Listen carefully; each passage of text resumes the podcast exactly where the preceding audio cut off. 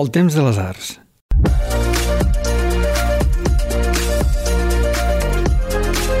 Benvolguts aquells que heu anat escoltant al llarg d'aquests 11 episodis aquest podcast. Aquest és l'últim sota l'iceberg i ho volem fer parlant d'una professió que a molts ens ha donat moments de gran plaer. Perquè llegir un bon còmic és una activitat que a nivell personal a mi m'ha omplert molt. Tant podria ser un Mortadelo i Filemón com un Astèrix o la revista El Jueves. Dels dibuixants de còmics n'hi ha de moltes menes. De fet, hi ha moltes professions i etiquetes dintre del sector del còmic. Il·lustradors, vinyetistes, caricaturistes, ninotaires, humoristes gràfics, dibuixants historietes, etc. Però sigui com sigui, són gent que es dediquen a dibuixar històries o acudits que o bé venen donats per altres o per ells mateixos. Són gent que ens obren un imaginari brutal i que, en aquells que es dediquen específicament a l'humor gràfic, ens ajuden a tenir una visió més crítica del nostre entorn. Avui a l'estudi ha vingut en Jaume Capdevila, conegut com Cap, porta ja gairebé 30 anys dedicant-se professionalment a dibuixar i fer caricatures humorístiques, ha treballat al Jueves, al Triangle, als Matins de TV3, actualment està a La Vanguardia i al Mundo Deportivo, però també mm, publica bastant a l'estranger. Bon dia, Cap. Molt bon dia. Al costat està la Raquel Gu, una dona que porta la vida dibuixant però que no ha estudiat mai res relacionat amb el dibuix pròpiament. La Raquel ha tingut diverses professions i moltes d'elles relacionades amb el món editorial però finalment va decidir apostar pel, pel dibuix, per la il·lustració, pel còmic, i ja porta uns quants anys dedicant-se a dibuixar vinyetes, a il·lustrar llibres, etc. Publicar al, al Hot Down Magazine, ha estat al Time Out, a Planeta i altres editorials, i també als Matins de TV3. Bon dia, Raquel. Bon dia. Eh, bueno, la primera pregunta oficial que us va portar a ser eh, dibuixant de còmics. Eh, per favor, Raquel, comença tu, no us baralleu, si us plau, pel micro. Uh, a mi me va portar, mm, diguem que, una mica l'entorn que hi havia a casa, perquè tant el pare com la mare dibuixaven, i llavors una manera que tenia la, la mare per jugar amb la meva germana i amb mi era dibuixar-nos històries. I, I allò, doncs, bueno, clar, amb aquesta edat vols fer el que fan els teus pares, no? I, i jo vaig posar-me també a dibuixar, m'agradava explicar històries, feia contes que llavors retallava i grapava i repartia pues, uns pels avis, un per la germana i, i des de sempre, des de sempre m'ha agradat tant llegir eh, llibres, còmics, eh, els TVOs com, com explicar històries.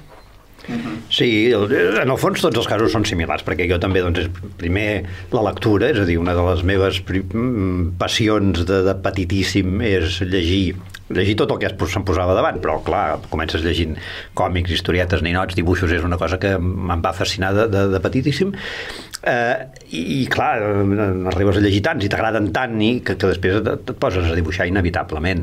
I jo diria que en, en segon cas i, i té una, una molt, molt, molta importància en la meva vocació és la timidesa, és a dir, per mi el fet de ser tímid i, i o sigui, tenir realment dificultats per relacionar-me de forma normal amb, amb el món, eh, que el món a mi feia com molt respecte eh, i tancar-me a mi mateix doncs el fet de posar-me a dibuixar m'obria uns, uns mons i unes possibilitats que jo m'hi trobava molt més còmode que relacionar-me amb la gent és a dir, a mi si la gent em diu alguna cosa jo sé, soc capaç de contestar, no? Però, però jo haver de dir coses a la gent, doncs no sé, em, em fa cosa, no? Que em sembla com que em molestes, jo què sé, no sé, no.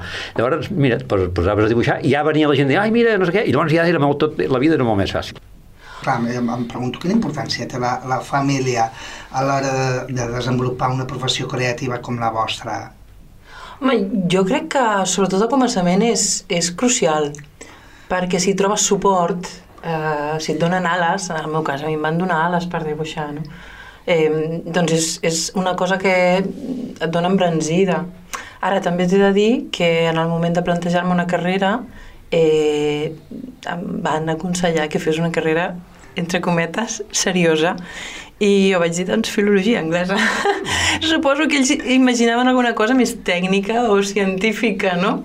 Eh, I ara, jo m'ho vaig passar molt bé fent filologia i a part vaig triar també totes les matèries més, més properes a la literatura que no pas a la sintaxi, a la gramàtica i tot això i, i crec que és un complement interessant a l'hora d'explicar de, històries, no? perquè en el fons pues, acabes estudiant analitzant doncs, doncs una pila de llibres també, no? I, i això tot i que ells no m'ho aconsellessin, eh, de retruc em, em, va, em va ajudar. Però sí que és important eh, comptar amb el, amb el suport de, de la família i que t'entenguin, si, si més no, no? Perquè ja, no sé, ara, mira, últimament, per, per circumstàncies de la vida, estic treballant la figura de la Núria Pompeia, que és una de les grans pioneres de l'humor gràfic al nostre país, i, i ella es va posar a dibuixar una mica accidentalment, no? I, i una mica el comentari era, bueno, mentre dibuixi i estigui distreta, no passa res, no? Però que des de la família doncs, tampoc se li... O sigui, els par, el pare, la mare, tampoc se li incentivava aquesta, aquesta passió, no? Home, el que està clar és que aquest tipus de, de, de, de, de feina o de professió és absolutament vocacional. Ningú diu al seu fill, escolta, tu dibuixaràs còmics. Això vull dir, bueno, està bastant malalt per, per obligar el teu fill a dibuixar còmics, no? Jo no conec, no conec cap cas. Per tant, és molt vocacional. Llavors, si hi ha una veritable vocació, eh, la família ni el, i els estudis eh, no, no, són, no són determinants, però són molt importants. És a dir, en el meu cas també vaig trobar un gran recolzament per part de la família. És a dir, jo sempre havia dibuixat i tothom doncs, va dir que aquest nen li agrada molt dibuixar, doncs que dibuixi, no? És a dir, que, que vagi a, a classes de pintura amb no sé qui, que fas que si recolzem la cosa, vol fer fotocòpies, li pago les fotocòpies perquè fa uns còmics amb els seus amics. És a dir, a la família sempre eh, si et recolza, tot és una miqueta més fàcil.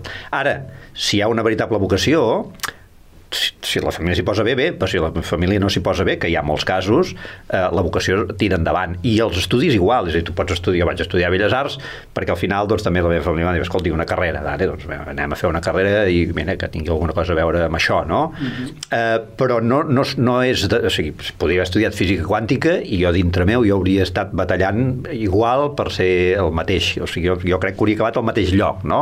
Eh, I poder hauria acabat doncs, fent més volta o fent menys, no? Per tant, mhm. eh, amb, amb aquest tipus de professions que són tan, tan, tan vocacionals, i hi ha aquesta, però també, jo què sé, escriptor, actor, hi ha, hi ha moltes professions d'aquest estil, eh, la família i la formació són importants, són molt importants, però determinants allò que per dir, hòstia, si la família t'hagués recolzat sí i si no t'hagués recolzat no, no. Um, un altre comentari que, que, que expliques tu, Raquel, um, és de que a través de l'humor gràfic eh, pots expressar la, eh, la mala llet amb gràcia, no? S'ha de tenir mala llet per ser un humorista gràfic? No necessàriament. S'ha de tenir esperit crític, jo crec, perquè és un ingredient essencial de, de l'humor gràfic. I, I en aquest sentit, mira, si tu la Núria Pompeia i la vaig traient, eh, ella en, en una entrevista eh, va dir que, que l'humor era la manera més civilitzada de dir les coses i no, no hi puc estar més, més d'acord, no? L'humor gràfic, encara que li diguem humor, no és hi-hi, ha-ha, no és algo per riure i prou, o sigui, ens ha de servir, és com una navalla suïssa, ens ha de servir eh, per, per reflexionar, per enfadar-nos també, per acompanyar-nos en, en, en, en alguns moments, no?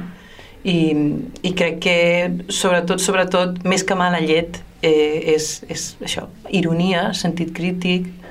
En realitat, aquest ofici eh, és, és molt divers. És com si diguessis, no, escolti, aquest senyor és dibuixant, un moment, aquest senyor és esportista, sí, però hi ha molts esports, és molt diferent ser jugador de futbol que ser jugador d'escacs o, de, o de golf o de bàsquet, s'han de tenir unes, unes característiques físiques diferents, un entrenament que és diferent, un, un...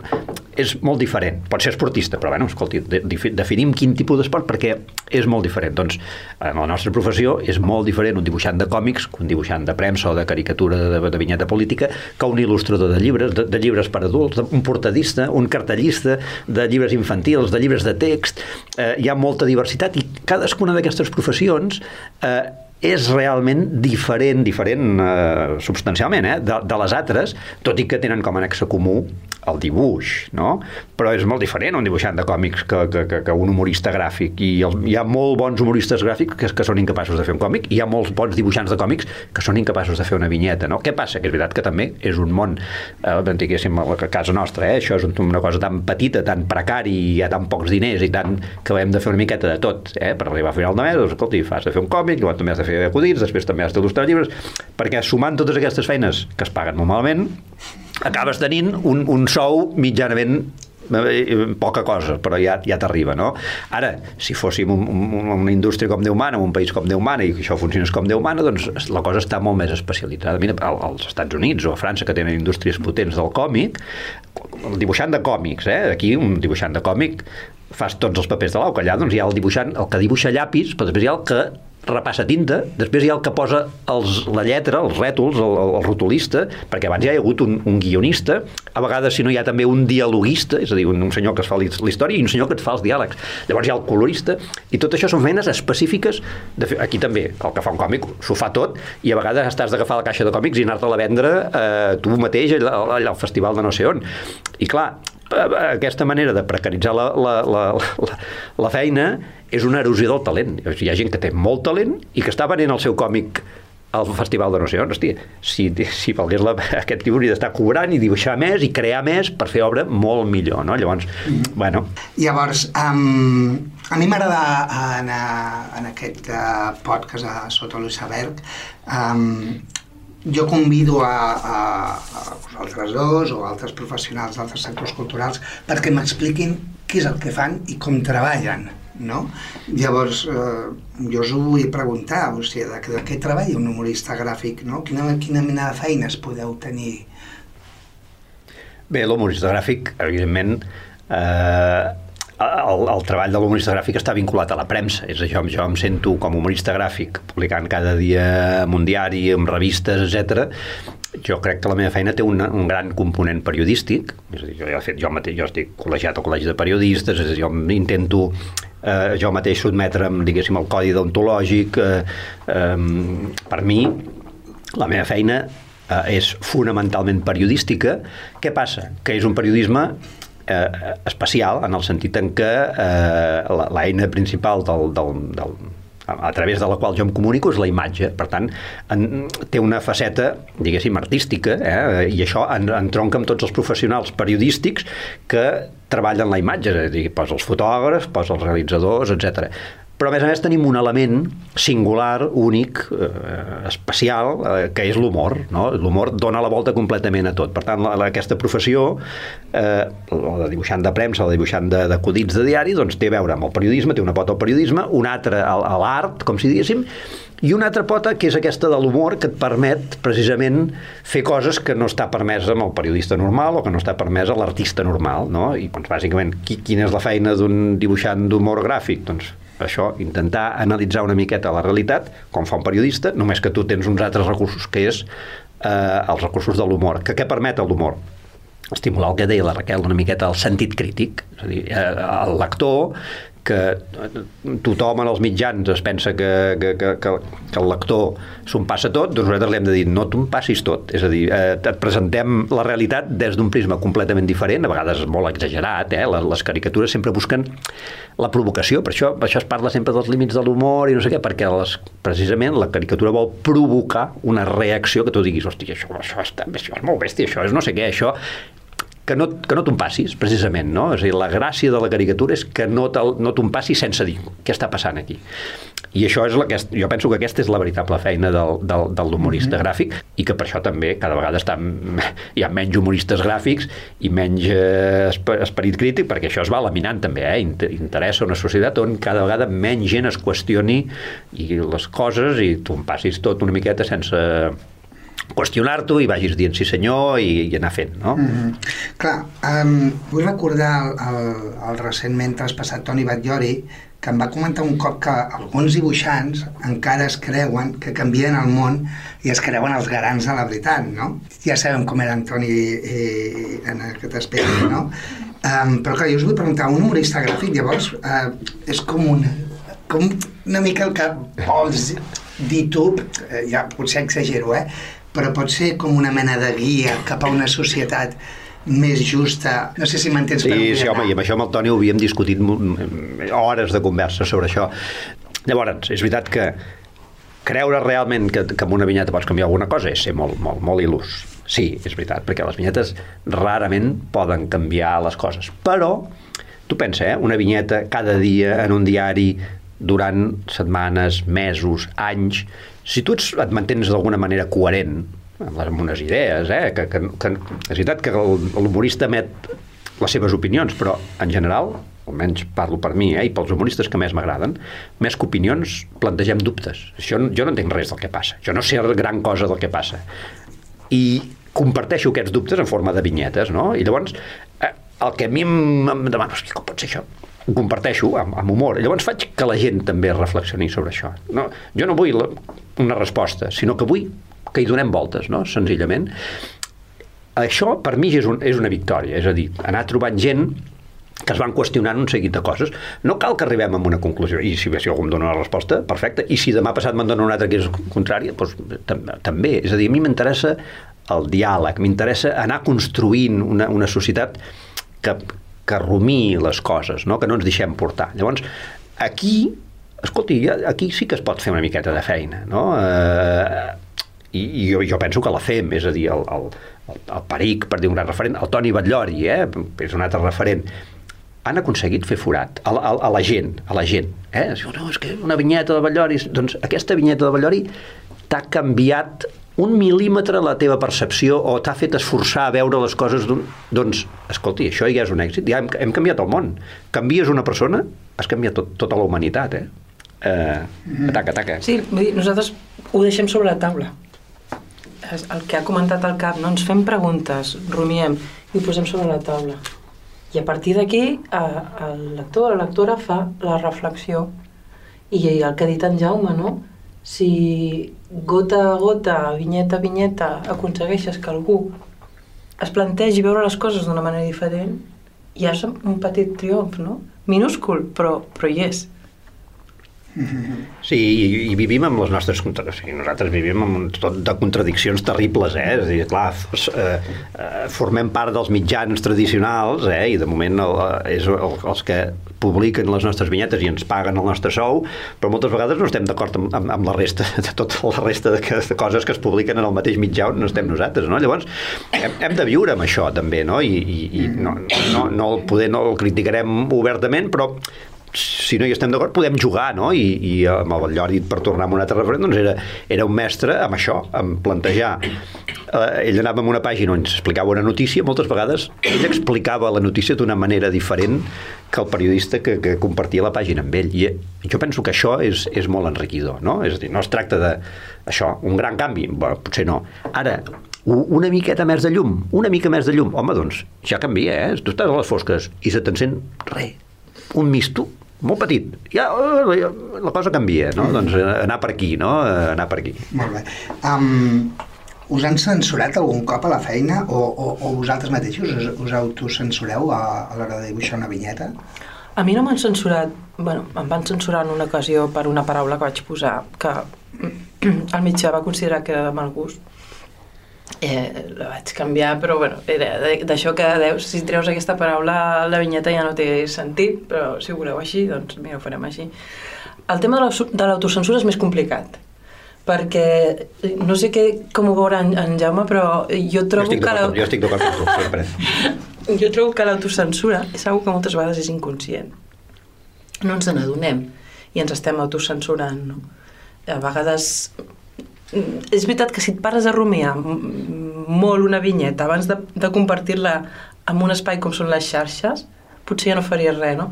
Fa, fa temps, no, no recordo de qui va ser, hi havia una vinyeta que era totalment en blanc, que deia la vinyeta políticament correcta, no, no recordo qui la, qui la va fer, però, però és això, no? Llavors, si et pares a rumiar molt, no ho fas. El que passa que a vegades sí que és veritat que eh, sense ser-ne tu conscient, uh, per tots els inputs que vas rebent des de, des de fora, acabes autocensurant-te en major o menor mesura, diria. I, I també hi ha una qüestió que realment eh, ara, actualment, hi ha un, un, error, un error, un error de concepte amb la paraula censura. Eh? Amb la censura. Què és la censura? La censura de veritat, i, i la premsa espanyola i de tot el món, però l'espanyola ha estat sotmesa a la censura durant, posa-li, 250 dels 300 anys d'història que porta, eh, és que hi ha un organisme eh, dins, que, que forma part de les estructures de l'Estat que controla els continguts que es poden eh, publicar i el que no es pot publicar. I, i, I en aquest país hi ha hagut una censura brutal a la premsa durant centenars d'anys. Eh, això és censura. És a dir, hi ha un senyor que tu fas una cosa, ells s'ho miren i diuen, escolta, això no. P quin és el criteri? No, per, perquè hi ha criteris ideològics, eh, bueno, el que sigui, no? Això és censura, i en aquest país hem viscut una, una, una, una terrible censura. Però llavors hi ha una altra cosa, i és la línia editorial dels mitjans. Tu treballes en un mitjà, el mitjà publica unes coses, li interessa publicar unes coses, cada mitjà té els seus interessos i té les seves coses, i, i s'ha d'entendre també això, eh? i té un propietari que té un director, una línia, molt bé. Doncs podria una cosa que no li interessa publicar o que no li interessa publicar d'aquesta manera. Doncs a mi m'han tirat endarrere molts acudits. Jo he presentat acudits i m'han dit, escolti, aquest acudit, no sé què, no sé quantos. Per mi, per mi, la majoria de, et diré centenars, eh? poder milers, clar, són 30 anys de professió, eh? eh per mi això no és censura, no és censura. És a dir, no és que jo no pugui dir això, això, això que estàs dient no es pot dir, no.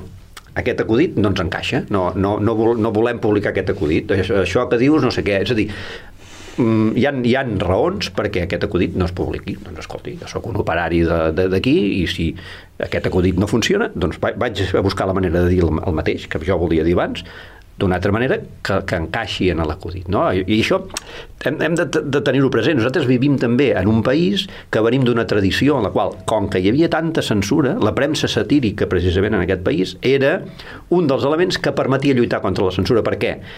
Eh, sense explicitar el tema, és a dir, parlant d'una altra cosa, a través de la premsa satírica es podien dir coses que a la premsa normal no es podien dir, de cap manera. De cap manera. Eh?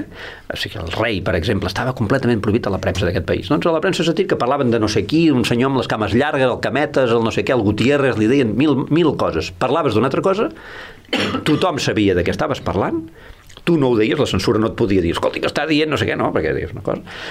Eh, llavors, clar, a la transició els humoristes són els primers que trenquen aquesta censura del franquisme, per exemple, i llavors s'aconsegueix un estatut en el qual l'humorista, els dibuixos en aquest país, escolti, el que et porta l'humorista, això s'ha de publicar perquè, clar, els humoristes, no sé. Jo també publico a França, a França per publicar una vinyeta n'he d'enviar quatre i en trien la que ells els interessa. I això per mi no és que em censurin les altres tres, no? ells trien la, la, la, la, que, ells, els interessa i, i a tot, amb, amb els llocs que són democràtics, com diguéssim, com que no hi ha aquesta tradició de la censura, els dibuixants no consideren que això sigui censura, senzillament consideren que tu de la teva feina doncs, eh, ofereixes un, peix i et compren el, el que interessa allà on el publiques. No? Llavors, jo penso que moltes vegades es banalitza eh, d'alguna manera el concepte censura quan en realitat s'està parlant d'una cosa diferent que és eh, li, bueno, línia editorial o no sé què. Eh? que eh, m'han censurat algun acudit?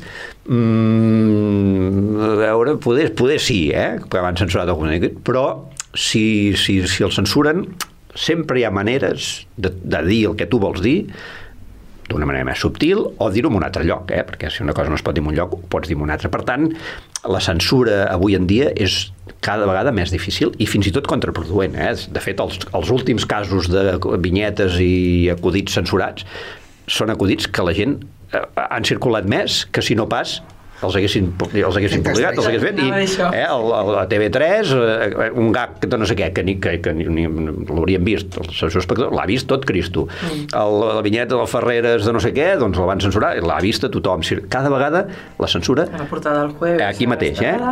Tu vols censurar una cosa, és la garantia perquè allò ho vegi tot Cristo. Mm. Per tant, eh, senyors censors, feu-vos mirar. No marxeu, que de seguida tornem. Si us agrada aquest podcast del Temps de les Arts, potser us poden interessar d'altres, com Flors de Baladre, amb la Txell Bonet, L'autostopista, de l'Esteve Plantada, o El Zoo de Vidre, conduït per l'Andreu Gomila. Ens ajudareu molt parlant als vostres amics, companys o familiars i compartint els episodis a Twitter, Facebook i les altres xarxes socials. Temsarts.cat és una revista online de divulgació de les arts, la cultura i el patrimoni. Moltes gràcies per escoltar-nos. Com, com mm, tampoc no em vull allargar molt amb, amb, amb aquest tema, però uh, tu estàs a, al jueves, a uh -huh. Raquel? Eh, ja no. Ja no. Vaja, res. Des del gener. Des del gener. Bé, el jueves ha passat a mensual, hi ha hagut una retallada enorme eh, de talent i de, de, de gent, això sí que és una veritable llàstima, sí. Doncs uh, em sap greu. De totes maneres, mm, el jueves, el 2014, eh, va haver-hi també un sisme considerable pel, pel canvi que hi de portada amb l'abdicació de, del, del rei. Mm. Tu estan a, tu entenc que vas entrar posteriori, El 18, el sí. 18, um, estan allà, mm, no has patit, no has tingut mai cap altre moment d'aquests que, clar, va venir des de dalt, des del grup RBA i tot això, mm. però... No, pensa que, a, a, a més a més, jo el jueves el que feia era una tira d'uns personatges Sí. concrets i pràcticament no tocava actualitat. La vaig Val. tocar una mica quan hi va haver el, el Covid-19, però per la resta hi havia una, una línia argumental que anava, anava seguint. I jo no anava mai a la redacció, treballava des de casa, enviava la Mhm. meva tira, bueno, com la majoria, m'imagino, de, dels col·laboradors, perquè n'hi havia una pila. Sí, Llavors, eh, no, en aquest sentit, ningú em va censurar cap tira, ningú em va tirar enrere cap, cap tira. Fantàstic. No, i el, jue el jueves, si tu et mires el panorama de la premsa d'aquest país, el jueves és, és, és un reducte de llibertat. Eh? Realment és veritat que els autors que volen dir alguna cosa eh, ho poden dir, si no es pot dir el jueves és que ja realment Mm. no es pot dir veritablement en lloc eh? ara una altra cosa és això, ara en aquest pas mensual eh, clar, hi ha hagut una retallada enorme. Sí, eh, i això eh, bueno, és una llàstima perquè realment a les pàgines del jueves hi havia molt talent i molt potencial. Jo per exemple, una cosa que, que trobo que, que, que el jueves en aquest canvi no ha fet bé és que havia iniciat un procés de feminització, és a dir, és una revista que tradicionalment era llegida per públic masculí i, i era, hi havia la xica del, del viernes i tetes i perquè vens d'una tradició també de premsa, d'una Mm. d'una mena de premsa, eh? i havia iniciat un camí a, a obrir-se a públic femení, la, a autores i amb lectores i, bueno, i, i aquest pas mensual ha estat un cop eh, duríssim aquest, aquest abans, que per, per mi les lectores femenines són molt més fidels eh, que els masculins també, eh? és a dir, que, que obrir-se un públic femení per una publicació és molt més interessant que, bueno, és, és, un, és, un, és una, una aposta per, per tenir més lectores, no? Llavors aquí, eh, jo això he estat molt crític, però bueno, és el que hi ha. Bé, jo penso que en general, no? Vull dir, crec que el, el públic és, és en general. Eh, som la meitat de la població, Mhm. per què no fer un producte per, Home. per tota la població, no? I, i, i treballat per també, no? les dues meitats de la població. O sigui, la, recordo que la, la, la Mariel Sòria va ser, si, si no m'equivoco, la primera Sí. a, a dibuixar el jueves, primer amb guió d'Andreu Martín i després amb, amb guions d'en... El Manel Barceló. Manel Barceló, això. I, i després va passar-hi Maitena i la tercera va ser Mamen Moreu, que és una, Mhm. una autora de d'Osca. I després ja vam, Sí, vam entrar a la resta, no? La, la Maribel Caló, Carot, la, la Marta Massana, Sí, bueno, sí, sí. La, la Irene Márquez, Sí. bueno, una, un, jo mateix una, una pila, no? I, I sí, és és una llàstima perquè d'uns anys cap aquí, fa uns 10 anys cap aquí, hi ha hagut una eclosió d'autores de còmic i d'humor gràfic que eh, les xarxes hi han ajudat molt a visibilitzar-les, que, que és molt interessant, no? I que crec que mai s'ha de veure com una cosa exòtica ni, ni, ni fora de, de lloc, no? És, és una que existeix i que hi és, no? I per tant... Um, I, i, I passa una cosa molt curiosa, i és a dir, que quan en els mitjans generalistes, quan hi ha la veu d'un home que explica coses que ell vol, és generalista, no? I en canvi, Exacte. quan hi ha la veu d'una femenina, Exacte. explica coses de dones, no? Eh, La Maitena, doncs, eh, sí, però va, està tot el dia parlant de coses de dones. I en canvi, el, el Roto parla de coses per tothom. No, En realitat no, el Roto... És a dir, la Maitena és tan interessat per públic masculí com femení i el Roto, és, és a dir, la, hem, hem de trencar encara tabús no ja com a autors, sinó com, com, com a lectors també, no? És a dir, com el que fa qualsevol dona és absolutament tan interessant com el que fa qualsevol home, no? I, i Mm. És el que, el que comentava abans en, en cap, només per reblar una mica, eh? però um, l'universal ha sigut masculí. home, Llavors, a la que una dona ha, ha fet alguna cosa, eh, s'ha considerat que era eh, còmic femení, no? Llavors, eh, per extensió, llavors que hem d'entendre que l'altre és còmic masculí. Aquí està, eh? no? Nens i nenes, Aquí a veure, està. és que no... Mm, seguint a, a, aquest camí, a, que tu, Raquel, a, formes part del col·lectiu Autores de Còmic. Mm. Um, Explica'm una mica de què va aquest col·lectiu. Doncs mira, aquest col·lectiu va sorgir ara farà uns 10 o 12 anys eh, al Saló del Còmic de Barcelona eh, amb la Marica Vila, que és una, altra, una autora veterana, uh, Lady Sama Kausland, que és una crítica de, de còmic de, de Madrid, amb tot un, amb tot un grup d'autores, la Cristina Duran també, que va estar fa un parell d'anys Premi Nacional de Còmic pel dia 3, juntament amb el Miquel Àngel Giner, doncs una colla d'autores que ens vam, que ens vam ajuntar que ens havíem descobert una mica per les xarxes i en aquells salons vam posar cara, no? I, i, i vam dir, per què no ho fem alguna i ens ajuntem per donar-nos a conèixer, per conèixer més autores i per visibilitzar-nos també d'alguna manera. I vam crear un premi honorífic amb el qual cada any eh, recordem la figura d'una autora que ha estat oblidada, no? de, perquè de, de dones dibuixants n'hi ha hagut moltíssimes, Passa que moltes han quedat, eh, han quedat oblidades, no? I vam donar, el primer premi que vam donar vam donar precisament a la Núria Pompeia, però després d'això el premi honorífic l'hem concedit a la Isabel Basamat, l'hem concedit a la Rosa Galceran, bueno, a una pila d'autores. Mm -hmm. Molt bé. I treballem una mica per això, per, per, per visibilitzar-nos, visibilitzar el, el nostre, els nostres referents del passat i, i les actuals. Um, deixa'm també repassar una mica uh, el que has fet tu, uh, Raquel, perquè um, a part de aquestes col·laboracions amb mitjans i tot això, també fas uh, moltes d'elles il·lustracions per uh, col·leccions de llibres sobre pedagogia, i per exemple fins i tot amb la Clara Grima heu format un tàndem Sí. que des del bloc de divulgació matemàtica Mati i sus Mate Aventures també heu guanyat molts premis, no? Sí. Com va començar aquesta relació entre la il·lustració i l'educació? Eh, doncs va començar quan vaig conèixer la Clara, realment. Um, a mi m'agrada que aprendre de les feines que faig. Llavors, totes les feines que estan relacionades amb la divulgació m'a- m'atrauen especialment. I amb la Clara la vaig conèixer quan, quan preparava el, el que va ser el meu, el meu primer llibre, que es deia, es va dir Canellades, uh, i tot el que sempre has sospitat dels nens i ells mai no t'explicaran, que era un recull d'articles que, que escrivia i il·lustrava a la revista Time Out Barcelona. Per completar el llibre vaig posar frases de nens de, que em passaven uns quants amics que, que ja tenien fills, no? els meus nebots i, i això. I, I una amiga em va dir, tinc una amiga matemàtica que té uns fills que li fan uns comentaris boníssims. Me'n va passar uns quants i realment eren molt bons, eren molt divertits i li vaig dir, digue-li si em dona permís per reproduir-los al llibre. Em va donar permís i quan vam estar a punt per preparar el llibre, ai, per presentar el llibre, perdó, eh, la vaig escriure per donar-li les gràcies i la vaig convidar. Clar, ella vivia a Sevilla.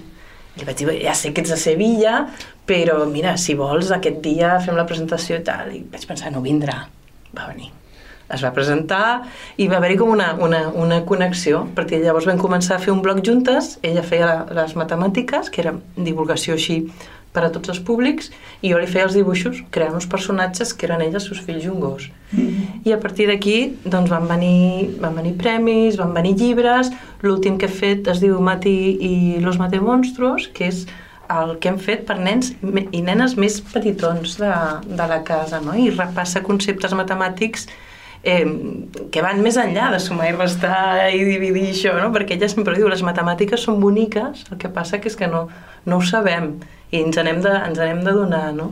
I, I clar, aquí hi ha temes d'estadística, hi ha temes de, de grafs, o sigui, hi ha una, una sèrie de, de matemàtiques molt, molt interessants que realment explicades com les explica ella uh, i, i, a, i a dins d'un conte fan que les coneguis d'una altra manera.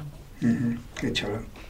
En el teu cas, cap, um, que ets, clar, portes ja gairebé 30 anys uh, i has aconseguit, uh, diguéssim, pues, uh, mm, trencar les fronteres i publicar a l'estranger.